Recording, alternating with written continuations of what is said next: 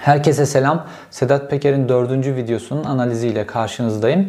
Sedat Peker Pelikan Çetesi üzerinden, Mehmet Ağar üzerinden atışlarını, saldırılarını sürdürürken bir anda hedef değiştirdi ve Süleyman Soylu'yu hedef almaya başladı. Hem de öyle böyle değil.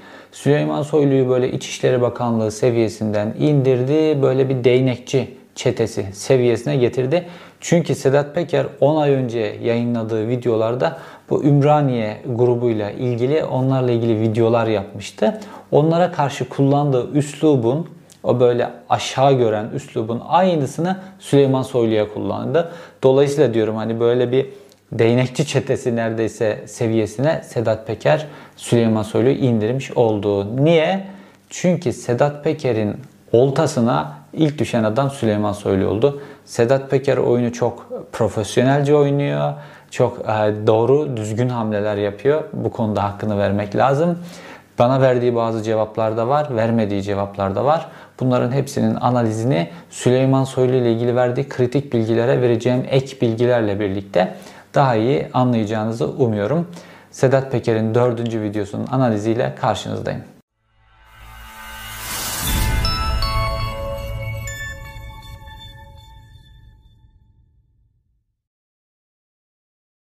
Sedat Peker'in açıklamalarından şunu öğreniyoruz ki Süleyman Soylu Sedat Peker'in bu Dubai'de yayınladığı 3. videodan sonra Sedat Peker'e bir aracıyla haber göndermiş ve demiş ki ya benim üzerime çok geliyorlar. Ben Sedat Peker'in aleyhine birkaç açıklama yapacağım.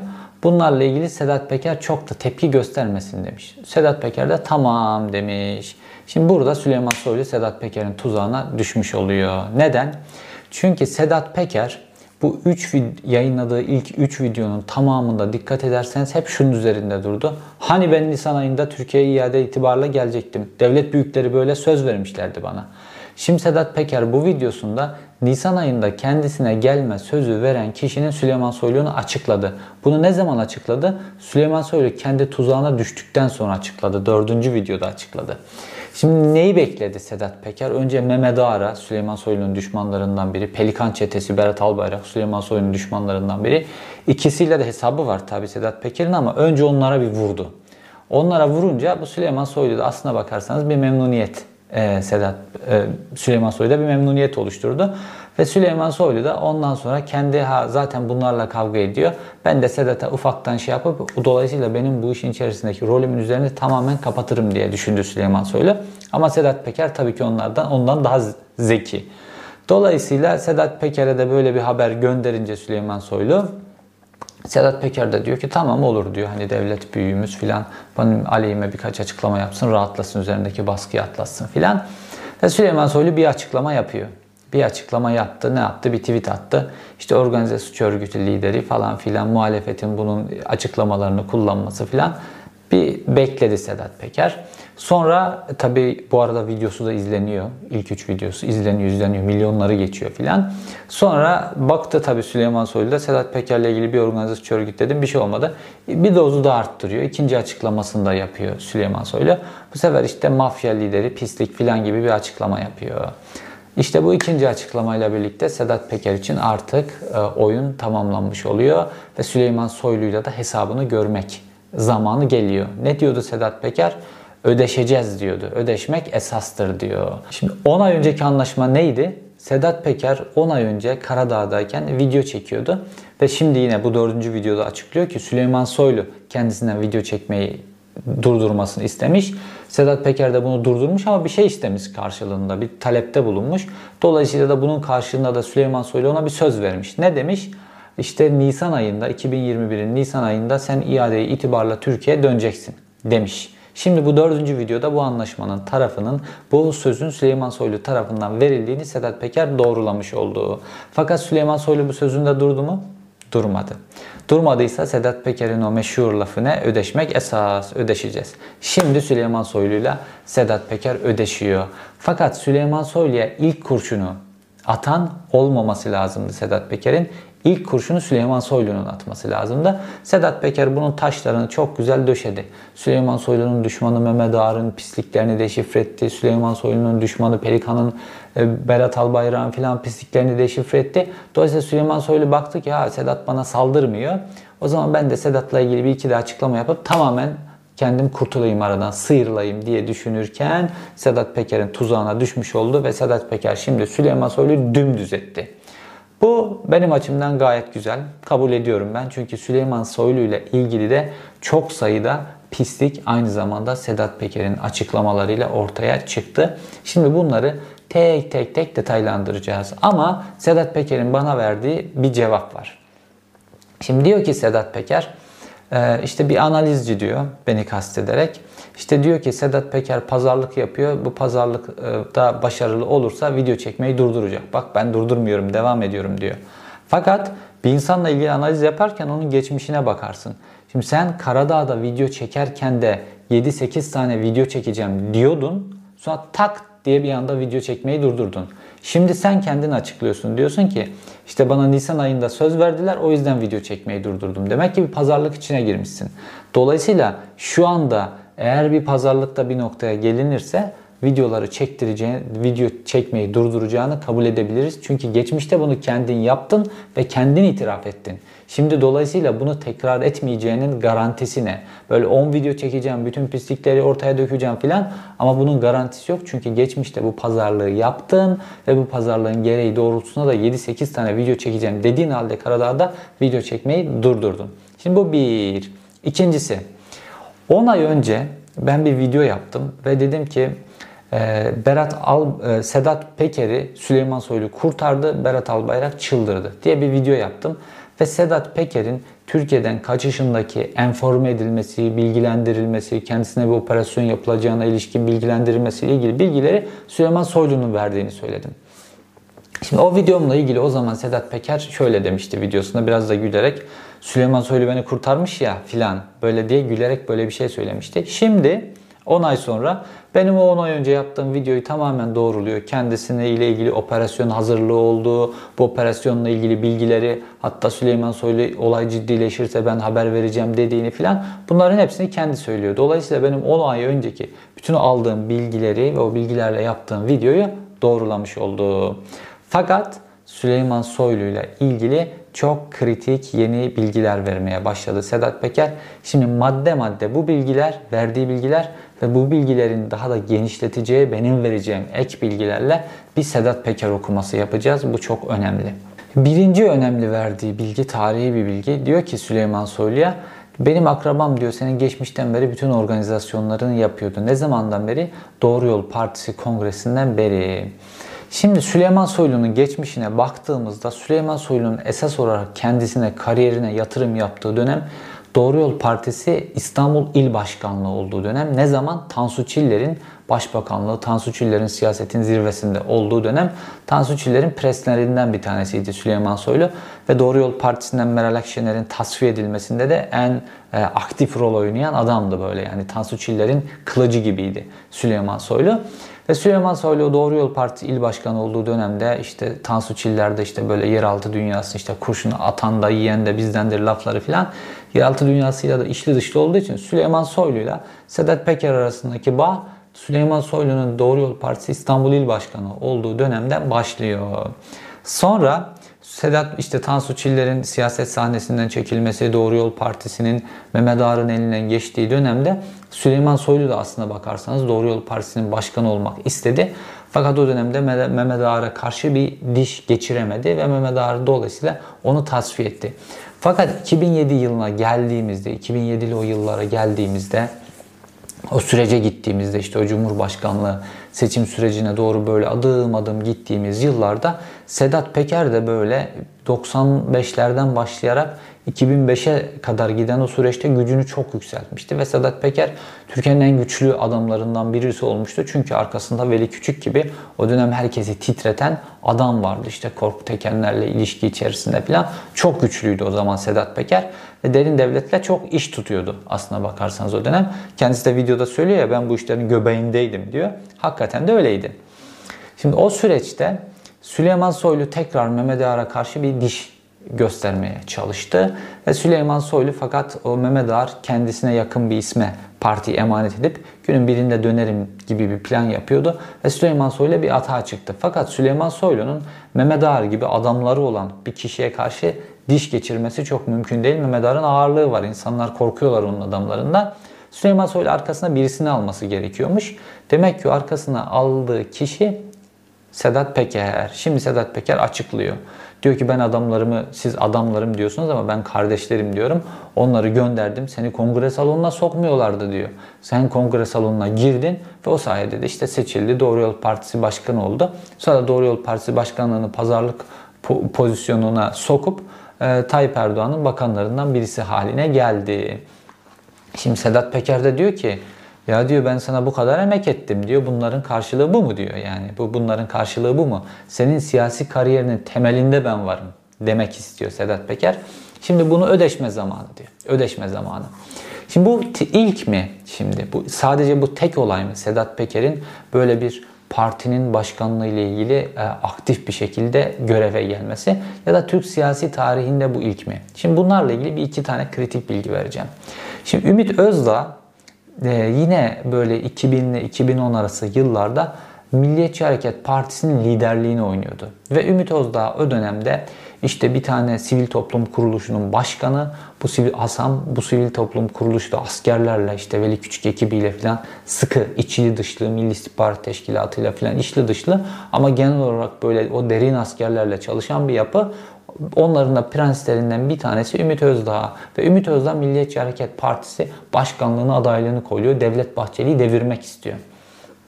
Ve Sedat Peker e, de Ümit Özdağ o süreçte destekledi ve Ümit Özdağ'a destek vererek Milliyetçi Hareket Partisi'nin genel başkanını devirecek kadar kendisinde bir cüret gördü Sedat Peker. Ve o süreçte Sedat Peker'in adamları Ümit Özdağ'ı acayip desteklediler. Fakat Sedat Peker, Veli Küçük ve askerlerle olan bağları olmasına karşın e, Devlet Bahçeli ise Milli İstihbarat Teşkilatı ile bağları olan birisi. Dolayısıyla orada o iki ekol çarpıştı aslına bakarsanız ve dolayısıyla bu iki ekolden işte Çatlı'nın, Alaaddin Çakıcı'nın affedersiniz adamları da Devlet Bahçeli'yi desteklediler o kongrelerde. Yani mafya gruplarının adamları hep bu siyasilerin kongrelerinde bir şekilde delegeler üzerine baskı kuran şekillerdeydi ve dolayısıyla Ümit Özdağ projesi Sedat Peker'in başarılı olmadığı fakat bu Sedat Peker'in o dönemki gücünü göstermesi açısından Doğru Yol Partisi'nin genel başkanlığı ile ilgili Süleyman Soylu'ya destek veriyor. Ümit Özdağ'ın MHP Genel Başkanlığı ile ilgili Ümit Özdağ'a destek veriyor vesaire. Fakat bunları yapan bu yeraltı dünyasının atalarından birisi var ve başarılı olan ve Türkiye'de çok önemli bir operasyondur. Bu çok konuşulmaz. Aslında bunu genişçe bir belki başka bir video yapmam lazım. O da meşhur Mesut Yılmaz'ın seçildiği ANAP Kongresi. Şimdi o kongrede e, Turgut Özal Mesut Yılmaz'ın karşısındaydı işte. Turgut Özal o zaman Cumhurbaşkanı vesaire. E, fakat Turgut Özal'ın ağırlığını koymasına rağmen o kongrede Mesut Yılmaz seçildi. Niye? Turgut Özalcı delegelerin bir kısmı salona sokulmadı, delegelerin bir kısmı korkutuldu ve o kongrede adeta terör estirilip bir şekilde Mesut Yılmaz'ın seçilmesi sağlandı. Niye? Mesut Yılmaz işte Karadenizli ve dolayısıyla da Karadeniz e, gruplarıyla, o mafyayla, ülkücü mafyayla filan bağlantıları olan bir adam. İşte Eyüp Aşık vardı o dönem meşhur bakanlardan bir tanesi, mafyatik bir adam. Alaaddin Çakıcı'yla, Abdullah Çatlı'yla bağları olan filan bir adam. Ve Abdullah Çatlı, Abdullah Çatlı o kongreye ağırlığını koymuştu. Adamlarıyla ağırlığını koymuştu. Ve Mesut Yılmaz'ı o kongrede Abdullah Çatlı seçtirtti. Özal'ın delegelerini içeri sokmadı, baskı kurdu, onu yaptı, bunu yaptı ve seçtirtti. Şimdi onun o modeli, Abdullah Çatlı bunların idolüdür ya, o modelini e, Sedat Peker de Doğru Yol Partisi'ne, MHP'de, Doğru Yol Partisi'ne başarılı oldu, MHP'de başarısız oldu.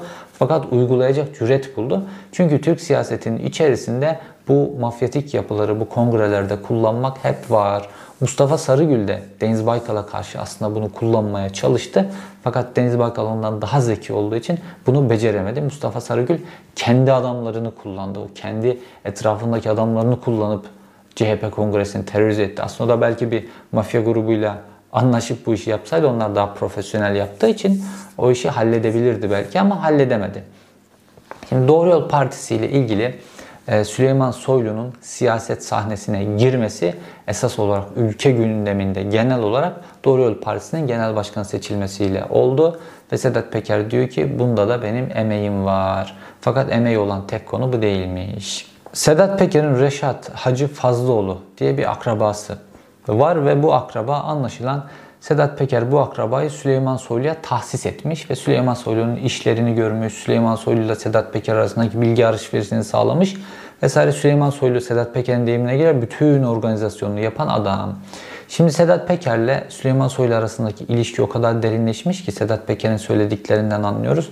İşte Süleyman Soylu'nun sosyal medyada böyle kendisini promote eden, kendisini sürekli böyle öne çıkaran bir böyle ağı var, bir troll ağı var. Anlıyoruz ki bu troll ağının oluşturulmasında da bu organizasyonun yapılmasında da Sedat Peker'in emeği var. Çünkü bu troll ağının nasıl hareket ettiğine ilişkinde içeriden bilgileri var Sedat Peker'in. Şimdi diyor ki benim bu akrabam diyor e, işte bir cenaze namazında bas kayıtlarından filan hepsi de bulunabilir diyor.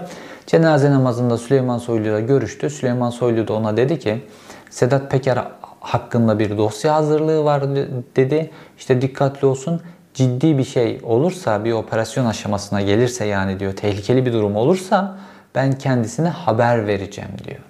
Şimdi bu bir İçişleri Bakanı'nın Yüce Divan istifa etmesi gerekir. Bir, Yüce Divan'a gönderilmesi gerekir bununla ilgili. iki ve savcıların derhal devreye geçmesi gerekir. Üç, çok büyük bir skandal. Niye? İçişleri Bakanı emniyette hazırlanmakta olan bir operasyon ya da bir e, adli e, konuyu o konunun muhatabına soruşturulan kişiye ve bu kişi yeraltı dünyasından bir isim ona sızdırıyor. Bu çok büyük bir skandal. inanılmaz büyük bir skandal ve bunu da sızdırdığı kişi şu anda açıkça itiraf ediyor. Fakat hiçbir savcı harekete geçmiyor bununla ilgili. Şimdi kulakları çınlasın kötü yönden. Ee, dönemin e, başbakan yardımcısı Bülent Arınç bu 17-25 Aralık yolsuzluk operasyonlarından sonra bir açıklama yapmıştı böyle o zaman da hükümet sözcüsü filan. Ya işte yolsuzluk operasyonu soruşturma filan hazırlıklar filan oluyor, soruşturmalar oluyor. Bununla ilgili İçişleri Bakanlığı'nın haberi yok diyor. Böyle şey mi olur filan diyor. Ve sürekli bunu hükümetin diğer üyeleri de söylediler. İşte İçişleri Bakanı altındaki emniyet görevlileri ona bilgi vermiyorlar bir konu hakkında filan. Şimdi modern demokrasinin gerçek hukuk devletlerinde olması gereken budur. İçişleri Bakanı, Emniyet Müdürü, Vali, Jandarma Genel Komutanı neyse bunların hepsi emirlerinin altındaki kolluk kuvvetlerinin idari amirleridir. Fakat bu kolluk kuvvetleri adli bir soruşturmaya dönüşecek istihbarat dinlemeleri, operasyon hazırlıkları vesaire adli konularla ilgili bunlara karşı hiçbir sorumlulukları yoktur. O konulardaki tamamen sorumlulukları savcıya dönüktür. Savcıya karşı sorumlulardır. Hatta Sedat Peker diyor ki ya diyor ben Mehmet Ağar'ın oğlunun bu Kazak kıza tecavüz edip öldürttüğüyle ilgili açıklama yaptım. Niye bununla ilgili jandarma genel komutanı açıklama yapıyor ki komutanlığı? Onun sorumluluğu savcı da diyor.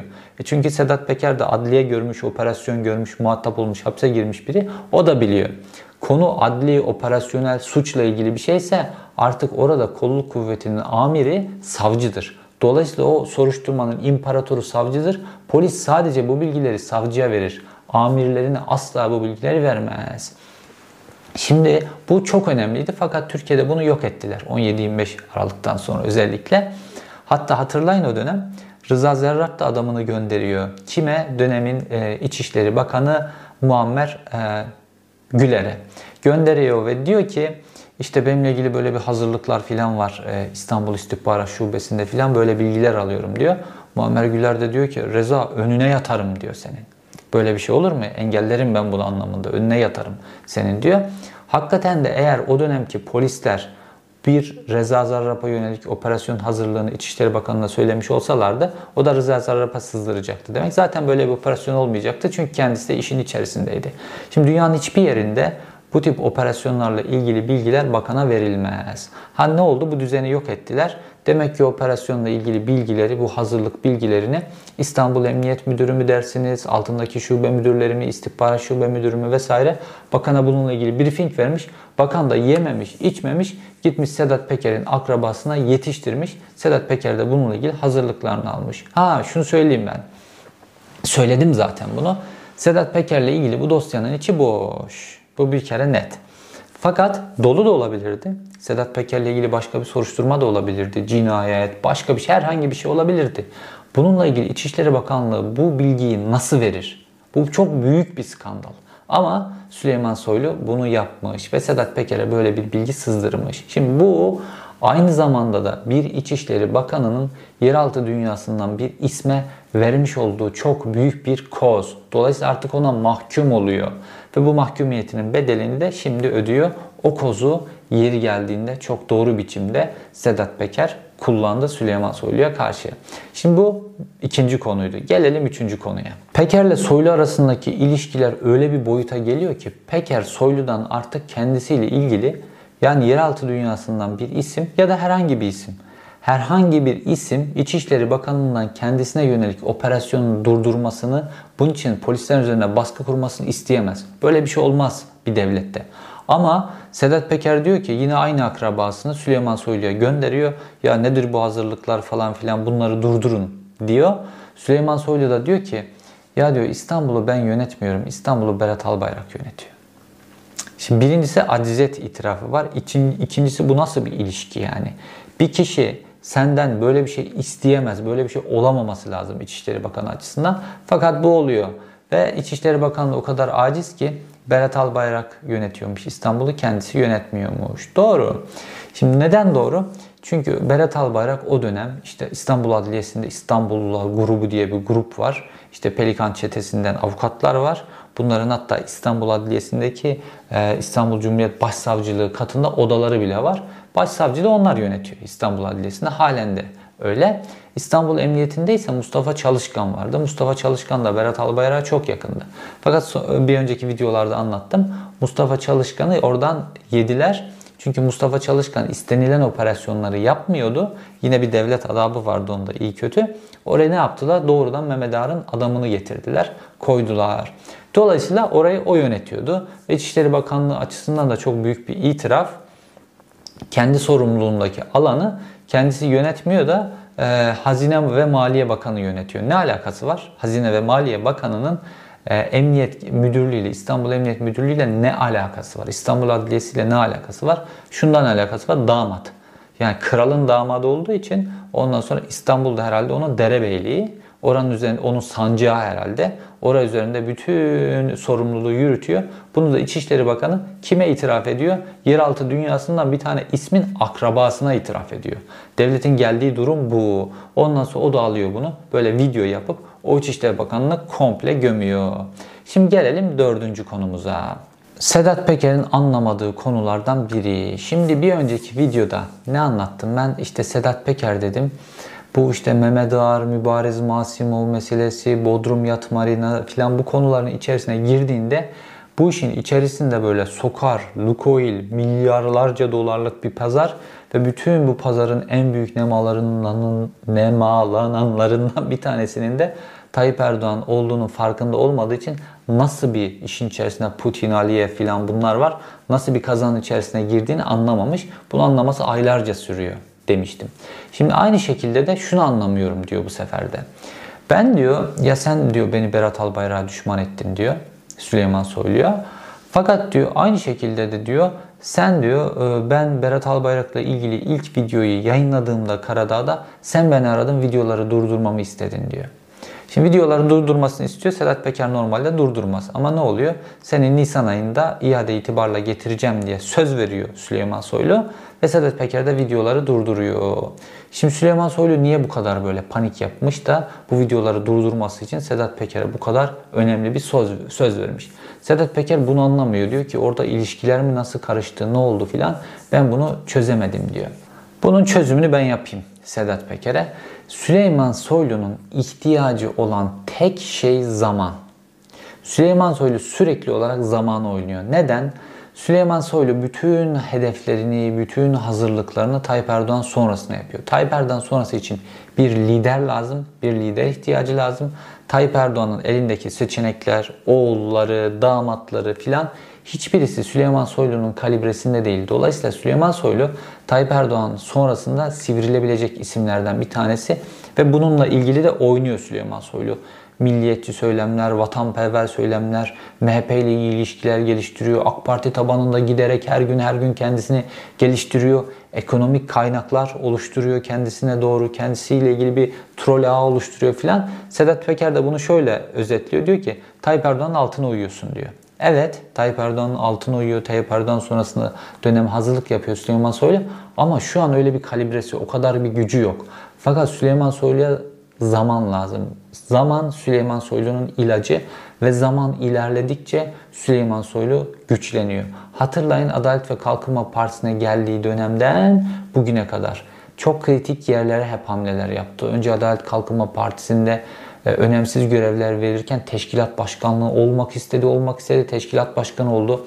Teşkilatlar adamlarını yerleştirdi mümkün olduğunca. Ondan sonra bakanlığa adım attı. Bakanlıktan İçişleri Bakanlığı'nı istedi. İçişleri Bakanlığı'nda kritik böyle tam milliyetçi söylemler filan adım adım kendisiyle yönelik güç geliştiriyor. Ve bu güç geliştirmede de zaman lazım. Şimdi Berat Albayrak'la kavga edeceği, göğüs göğüse kavga edeceği zamanlar olacaktı Süleyman Soylu'nun Pelikan çetesiyle ya da Tayyip Erdoğan sonrasındaki dönemde neyse. Fakat o gün 10 ay önce Karadağ'da e, Sedat Peker'in bu videoları çektiği gün değildi. Dolayısıyla bir şeylerin o kavganın ilerlemesi, Sedat Peker'in bazı şeyleri şu an olduğu gibi kendisiyle ilgili de dahil açıklama ihtimali falan bunları göğüsleyebilecek seviyede değildi.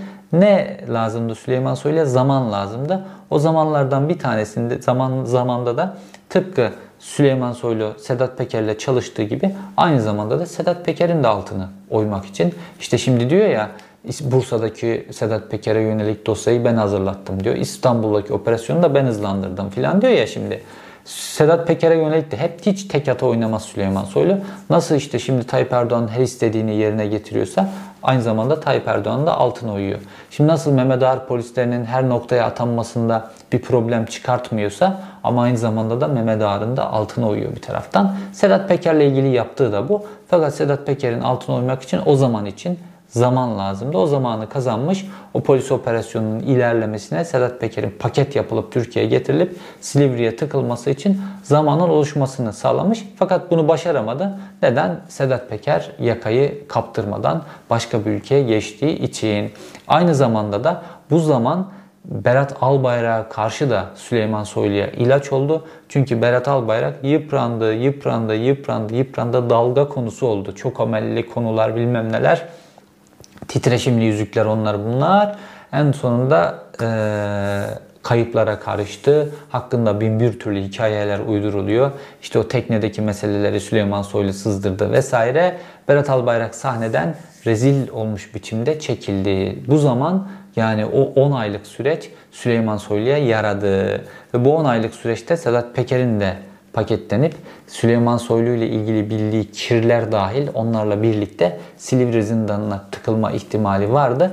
Fakat Sedat Peker Süleyman Soylu'dan zeki çıktı ve onu tuzağına düşürüp bütün o pislikleri şimdi milyonlarca izlenen videolarıyla insanların gözlerinin içerisine sokuyor. Şimdi gelelim bir diğer konuya. Şimdi bütün bu süreçlerin içerisinde bir de gazeteciler var gazetecilerin ulak olarak kullanılması var. Şimdi bir önceki videoda Sedat Peker diyordu ki işte ben bu iki tane videoyu yayınladık, ilk videoyu daha doğrusu yayınladıktan sonra e, Serhat Albayrak, Süheyb Öğüt üzerinden yani pelikancıların liderlerinden bir tanesi. Onun üzerinden bana bir tane gazeteciyi gönderdi. Bir de deli dolu bir gazeteciymiş. Tanıştığı bir gazeteci Dubai'ye göndermiş. Demiş ki işte e, bu konu Mehmet Ağar, Hakan Fidan kavgası falan filan kulağına seni kaçırırız gibi Hakan Fidan lafını düşürmüşler. Kimi kullanmışlar? Bir gazeteci ulak olarak kullanmışlar. Şimdi Sedat Peker gazeteciler ulak olarak kullanmıyor muymuş? Bir sonraki videosunda, bu dördüncü videosunda kendisi itiraf etti. Nasıl? Hadi Özışık, internet haberin sahibi. Onu kendisi ulak olarak kullanıp Süleyman Soylu'ya göndermiş. Çünkü Hadi Özışık'la Süleyman Soylu kanka göndermiş ve demiş ki ya işte ne oluyor bu işler falan filan Süleyman Soylu da işte check double check yapıyor e, burada aslında e, Sedat Peker. Bir akrabası üzerinden yokluyor Süleyman Soylu'yu. Oradan bilgiler alıyor. Bir de bir gazeteciyi göndererek oradan da başka türlü bir nabız alıyor gazeteci üzerinden. O gazetecinin kendisine getirdiği nabızda yo Sedat Peker, Süleyman Soylu Sedat Peker'i seviyor şeklinde. Şimdi o günlerde dikkatimi çeken bir şey daha vardı. E, bu mübariz Mansimov meselesi patladığında işte Mansimov'un tutuklanması, işte FETÖ üyeliği falan bu meselelerden tutuklanması sırasında mübariz Mansimov'la ilgili Hadi Özışık'ın yönettiği internet haberde böyle acayip böyle propaganda haberleri, mübariz Mansimov'u savunan haberler çıkmaya başladı. Şimdi demek ki şunu anlıyorum ki ben Sedat Peker o haberleri yaptırıyormuş. Niye? Bir önceki videoda anlattığım gibi Mübariz Mansimov kendisini koruma işini Sedat Peker'e ihale etmiş. Ve Sedat Peker bunun içerisinde de o propaganda meselesini de sokmuş anlıyoruz. Ama şu gazetecilerin durumuna bakın yani. Bir gazeteci yani bir devletin bir kuru devletin bir parçası diyeyim artık bir ulak ulak olarak bir gazeteciyi tutuyor, gazeteciyi tutuyor ve gönderiyor Dubai'ye Sedat Peker'e mesaj iletiyor. Sedat Peker bir gazeteciyi ulak olarak tutuyor, yeraltı dünyasından bir isim. Ulak olarak tutuyor, İçişleri Bakanlığı'na gönderiyor. Ne İçişleri Bakanı diyor ki ya sen bu adamın niye ulaklığını yapıyorsun diyor.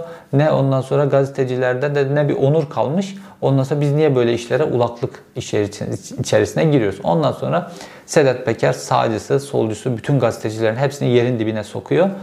Haklı olarak. Gazetecilerin düştüğü durum bu. Şimdi gelelim çok daha önemli bir konuya. Soylu videoda kritik bir cümle kuruyor. Süleyman Soylu ile ilgili diyor ki Tayyip Erdoğan'ın hatta Erdoğan abi diyor. Süleyman Soylu enteresan. Ve şöyle de bir tablo çiziyor. Aa Erdoğan çok iyi işte pelikancılar, Süleyman Soylu filan bunlar etrafını sarmış.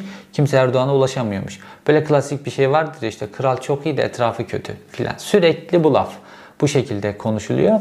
Ve orada e, diyor ki sen onun altına uyuyorsun diyor. E, ve bununla ilgili bazı bilgiler paylaşıyor. Nasıl?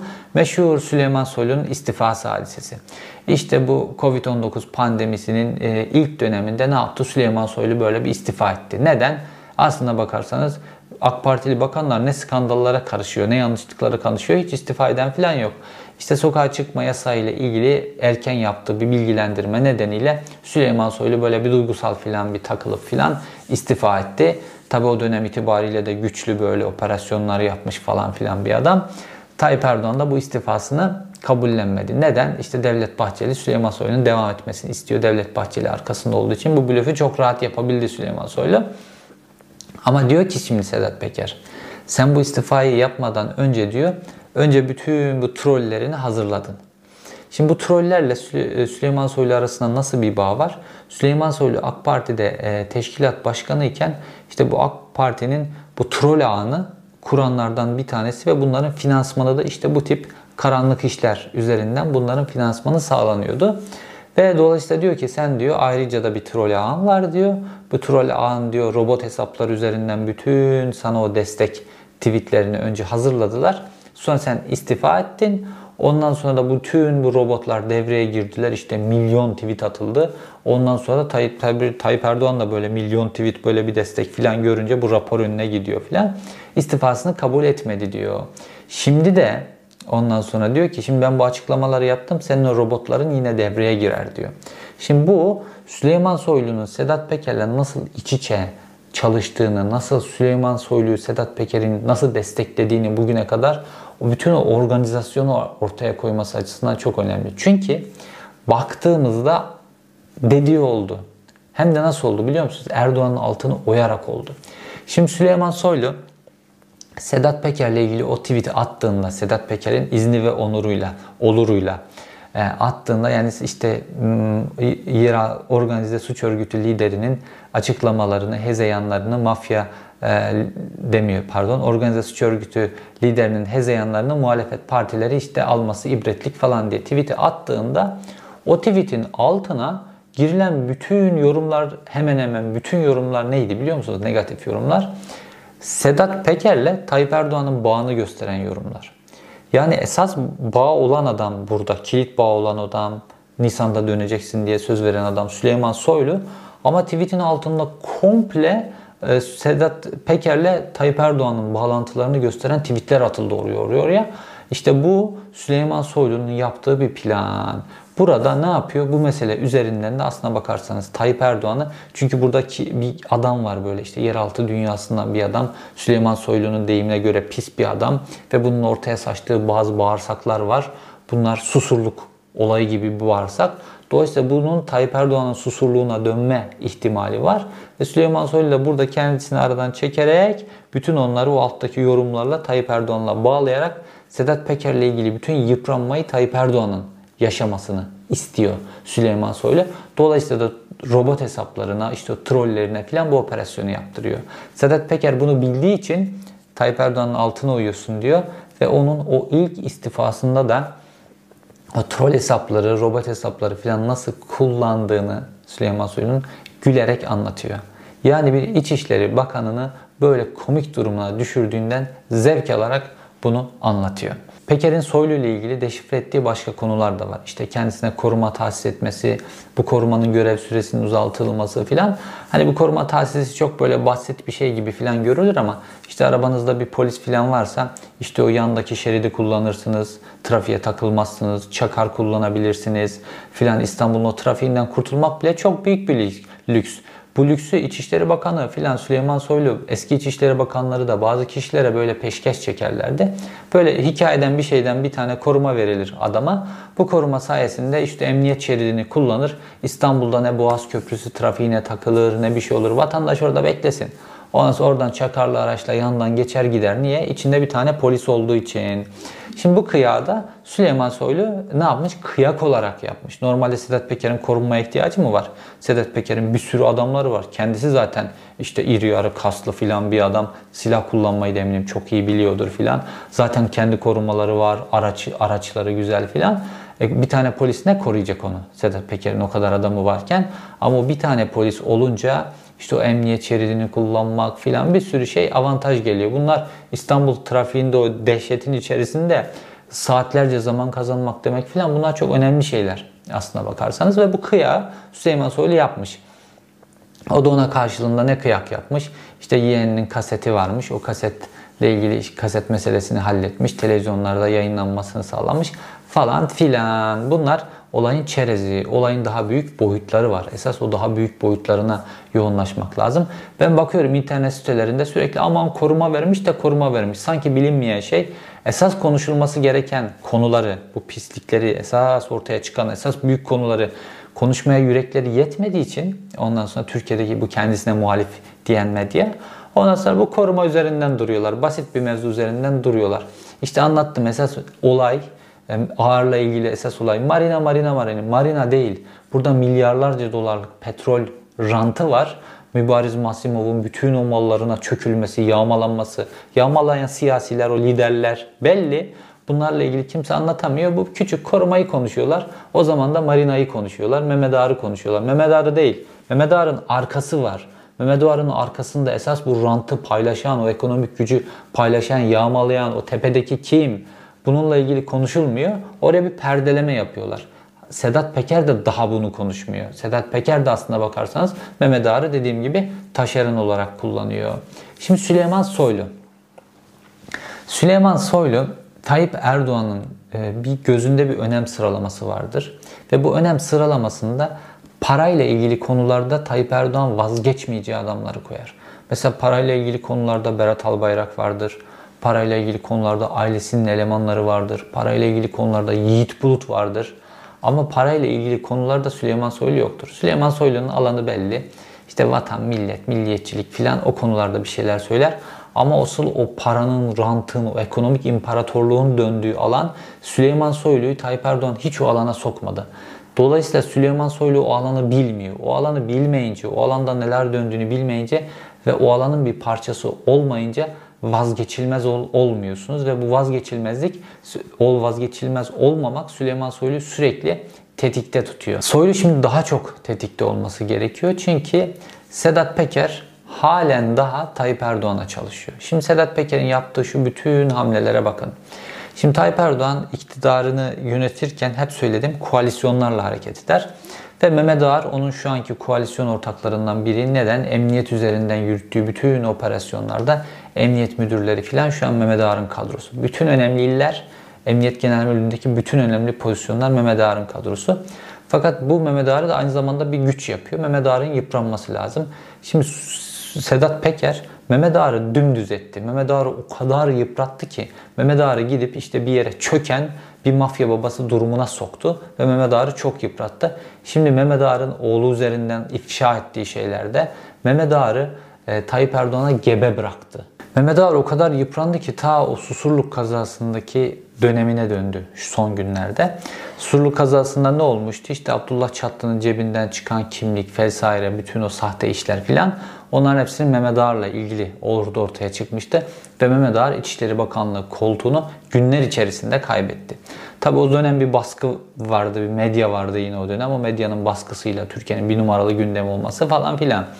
Ama şimdi Tayyip Erdoğan şu an ortaya dökülen bu meselelerle nedeniyle Mehmet Ağar'ı görevden alsa, Mehmet Ağar'ın Mehmet Ağar'ı görevden alsa demeyeyim de Mehmet Ağar'ı tamamen tasfiye etse ondan sonra Mehmet Ağar'ın gıkı çıkmaz. Mehmet Ağar Tayyip Erdoğan'a gebe hale geldi. Aynı zamanda Sedat Peker Süleyman Soylu'yu da çok yıprattı. Süleyman Soylu da şu an Tayyip Erdoğan'a gebe hale geldi. Dolayısıyla da Tayyip Erdoğan'ın gücünü paylaştığı partnerlerden iki tanesi inanılmaz güç kaybetti. Ve şu an Sedat Peker aslına bakarsanız Tayyip Erdoğan'a çalışıyor. O yüzden de Sedat Peker hala Tayyip Erdoğan'a çalışıyor. O yüzden de Erdoğan abi kelimesini kullandı. Erdoğan abinin etrafına duvar örmüşler. Zaten Erdoğan abinin de bütün bu olanlardan haberi yok. Mübariz Masim Baba nasıl çöktüler. Hepsinin arkasında kim var? Kim var yani?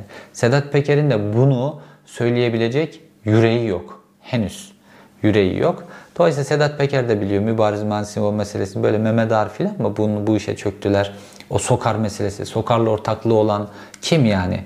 Ondan sonra Petkim, bu Petkim'deki gizli ortaklıklar filan. Bu işler kim? Remzi Gür. Remzi Gür'ün oradaki hissesi kimin acaba? Petkim'deki hisseleri Remzi Gür'ün kimin acaba? Filan bunların hepsini Sedat Peker de biliyor. Ama bunları konuşacak cesareti yok şu anda. Çünkü bir resim koydular önümüze. O resimle her şeyi perdeleyip sadece o resmi konuşmak, konuşmamızı istiyorlar. E, şimdi az önce dedim nasıl e, esas büyük konular varken basit konuların üzerine gidiyor herkes. İşte koruma meselesi gibi. Şimdi önümüze bir resim koydular. O resim ne? Resimde ne var? Mehmet Ağar var. Yanında Alaaddin Çakıcı var. Yanında Korkut Eken var. Yanında Engin Alan var. General, Milli İstihbarat Teşkilatı eski mensubu. Ondan sonra eski İçişleri Bakanı Mehmet Ağar ve işte yeraltı dünyasının en büyük adamı Abdullah Alaaddin Çakıcı. Şimdi bu fotoğrafı konuşuyoruz ve üzerinde konuştuğumuz temel konu ne? İşte mafya, siyaset, e, asker filan bu üzerine ve bu fotoğrafa fokuslanıyor. Bütün bu işte solda diyebileceğimiz medya bu fotoğrafa fokuslanıyor. O fotoğrafın arkasındaki fotoğrafın çekildiği yerine ondan sonra Bodrum Yalıkavak Marina oradaki oranın üzerine çökülmesine fokuslanmamız istiyor. Ama esas esas olay petrol. O petrolün taşınması, esas olay Lukoil, esas olay Sokar, Orada esas olay Mübariz Mansimov'un 270 tane tankerinin yağmalanması, Mübariz Mansimov'un Rusya'daki mallarının yağmalanması filan falan bir sürü şey var. Esas olay o. Ama bize o fotoğrafı konuşmamızı istiyorlar. Ya Mehmet Ağar'la e, Abdullah e, Çakıcı, Alaaddin Çakıcı bir araya gelmişler. Bu fotoğrafı konuşalım sadece. Sadece Marina'yı konuşalım istiyorlar. İşte bu e, Sedat Peker'in açıklamalarında da sadece koruma meselesini konuşalım istiyorlar. Sadece soyluyu konuşalım istiyorlar. Ama olayın daha derinliği, Sedat Peker'in nasıl legalleştirildiği, nasıl güçlendirildiği ve olayların bu noktaya geldiğini ve onu esas olarak destekleyen ve ona iş gördüren ve ne iş gördürdüklerini hala ortaya çıkaramadığımız e, bağlantılar ağını konuşmamızı istemiyorlar. Onlardan sadece Fevzi İş Başaran'ın e, nasıl e, dövdürtüldüğüne ilişkin bir bilgiyi açıkladı Sedat Peker. Daha başka bilgileri mesela benim davet ettiğim e, Ahmet Hakan'ın dövdürülmesi olayını henüz Sedat Peker açıklamadı. Bu emrik, bu talimatı kimden aldı Sedat Peker? Hangi reisten aldı bu talimatı? Henüz bunu açıklamış değil. Şimdi gelelim Mehmet Ağar'la Süleyman Soylu'nun cevaplarına. Şimdi Mehmet Ağar'ın böyle bir enteresan özelliği var. Panik olduğu zaman Mehmet Ağar aslına bakarsanız çok güçlü bir adam değil. Hep arkasında devletin gücünü almış. Böyle kendi başına güçlü değil. Sedat Peker mesela kendi başına da güçlü olan bir adam. hapse girmiş, 16 yıl dediği gibi hapiste yaşamış, sokakta dövmüş, dövdürülmüş, bir şeyler olmuş filan böyle hayatın işlerinde pişmiş bir adam. Ama Mehmet Ağar öyle bir adam değil. Hep devletin gücünü kendi çıkarları için kullanmış. Hep devletin gücü, devletin gücünün bir şekilde kötü olarak kullanılması, devletin polislerinin vatan, millet, şu bu filan diyerek berbat işler yaptırılması ile ilgili kullanılmış bir adam. Dolayısıyla böyle kendi pislikleri ortaya çıktığında o panik yüzünde çok fazla gözüküyor. Ve işte e, tele, çıkmış internet yayınlarına. Orada da o yüzündeki paniği çok rahat görebiliyorsunuz. İşte söylediği laf. İşte ben olmasaydım buraya mafya çökerdi. Sanki devlet yok. Sanki normal bir iş adamının Türkiye'de bir tane marinayı yönetebilme hakkı, böyle bir e, yasal yetkisi yokmuş gibi ya Mehmet Ağar olacak, Mehmet Ağar olmasa da oraya mafya çökecek. Başka bir seçenek yok. Şimdi o yediği haltı Süleyman Soylu işte düzeltmesini istedi. Onu düzeltti. Fakat işte oğluyla ilgili yani oğluyla ilgili konuları konuşurken kameraya dahi bakamıyor. Ve e, bu, bu kadar rezil olmuş durumda. O verdiği cevapların hiçbirisi lafı tamamen geçiştirme üzerine kurulmuş. Orada maddi şeyler söylüyor. Helikopter gönderdin mi? Oğlunu oradan aldırdın mı? Buna cevap yok. Tamamen genel konuşmalar. Esas somut konuların hiçbir tanesine cevap vermiyor. Düşün Elazığ'da işte Yeldane e, Kaharman diye bir tane kadın e, genç kız hayatını kaybetmiş. Ondan sonra aa, Elazığ milletvekili Tolga Ağar gece saat 1'de hiç tanımıyor ya bu kadını. Söylediğine göre hiç tanımıyor. İşte e, genç gazeteci arkadaşımız hayatını kaybetmiş. E, onunla ilgili başsağlığı tweet'i atıyor. Hiç tanımadığı adam. Normalde hiç tanımıyor, hiç görmemiş falan filan öyle söylüyor. Gecenin birinde ilk tweet'i atan o. Ama nasıl oluyorsa bunların hiçbirisine cevap yok. Tabii ki Mehmet Ağa cephesinde. Süleyman Soylu'ya gelince Süleyman Soylu da işte bu golü çıkarabilmek için Mehmet, e, Sedat Peker'in açıklamalarından sonra uzun bir açıklama yapmış. İşte o Sedat Peker'in e, mafya pisliği lafına, e, kızdığı lafını tekrar kullanmış. İşte işin içerisine Meral Akşener'i sokmuş, Kemal Kılıçdaroğlu'nu sokmuş, PKK'yı sokmuş, onu sokmuş, bunu sokmuş. Geniş bir açıklama yapmış kendisine göre. Ama utanma yok, istifa yok. Yani bu kadar rezillik ortaya çıkan bir İçişleri Bakanı'nın orada durması, bir saniye durmaması lazım. Yüce Divan'da yargılanması lazım. Operasyon bilgisini operasyon yapılacak kişiye sızdırmak. Sadece bundan Yüce Divan'a gider. Kaldı ki diğer ne kadar çok konular var onları da hiç pas geçiyorum. Şimdi gelelim Sedat Peker'in bu dördüncü videosuyla olayı taşıdığı daha üst bir boyuta. Şimdi Sedat Peker'le ilgili ciddi ciddi bazı şeyler söyleyebiliriz. Şimdi şunu baştan söyleyeyim. Sedat Peker şu an Türkiye'deki muhalefetin tamamından daha etkili. Şimdi muhalefet liderleri tek tek birer tane video yapsınlar, YouTube'a koysunlar. 100 bin izlenirse ne olayım ben? Ama Sedat Peker tek başına milyonlarca izleniyor. Artık Türkiye'de şunu kabul edelim. Sedat Peker Türkiye'nin kanaat önderlerinden bir tanesi. Türkiye bu noktaya nasıl geldi? Uzun hikaye. Kurtlar Vadisi dizisinden başlarsınız. Türkiye'deki şu an bütün televizyon kanallarında mafya dizileri var. Sedat Peker'in devlet eliyle legalleştirilmesi, mitingler yaptırtılması, işte Sedat Peker'e e, Tayyip Erdoğan tarafından ağırlanması, e, devlet düz yani Sedat Peker yandaş medyanın kanallarında bugün Sedat Peker'in doğum günü kendisine ömür, e, mutlu, huzurlu, uzun ömürler diliyoruz filan diye sabah programlarında yandaş medya kanallarından Sedat Peker'e böyle mesajlar gönderiliyordu. İşte yılın iş adamı ödülü filan o kadar legalleştirildi ki bütün bunlar işte Türkiye'deki dizilerle oluşturulan mafyadaki altyapı şu bu. Şu an Sedat Peker Türkiye'de bir kanaat önderine dönüştü. Bu bir gerçek. Bu gerçeği bir kere kabul edelim. İki, kendisini iyi yetiştirmiş. 16 yıl hapiste yatmış. Belki o hapis sürecinde işte cezaevinde iki şey yapabilirsiniz. Bir televizyon izlersiniz, bir kitap okuyabilirsiniz. Tercihiniz.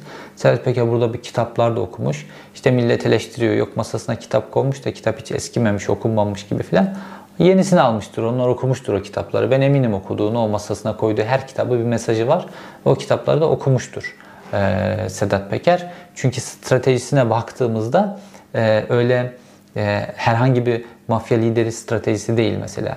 E, Alaaddin Çakıcı'ya mesela baktığımızda Alaaddin Çakıcı'nın arkasında çok fazla Şenkal Atasagun e, eski Milli İstihbarat Teşkilatı Başkanı'nın yönlendirmesi vardır. Çok fazla MIT yönlendirmesi vardır. Onların stratejisi doğrultusunda ne denirse onu yapar. O stratejiyle gider ama Sedat Peker öyle değil. Kendi stratejisini kurabiliyor ve o yüzden de daha akıllı biçimde çarpışabiliyor Sedat Peker.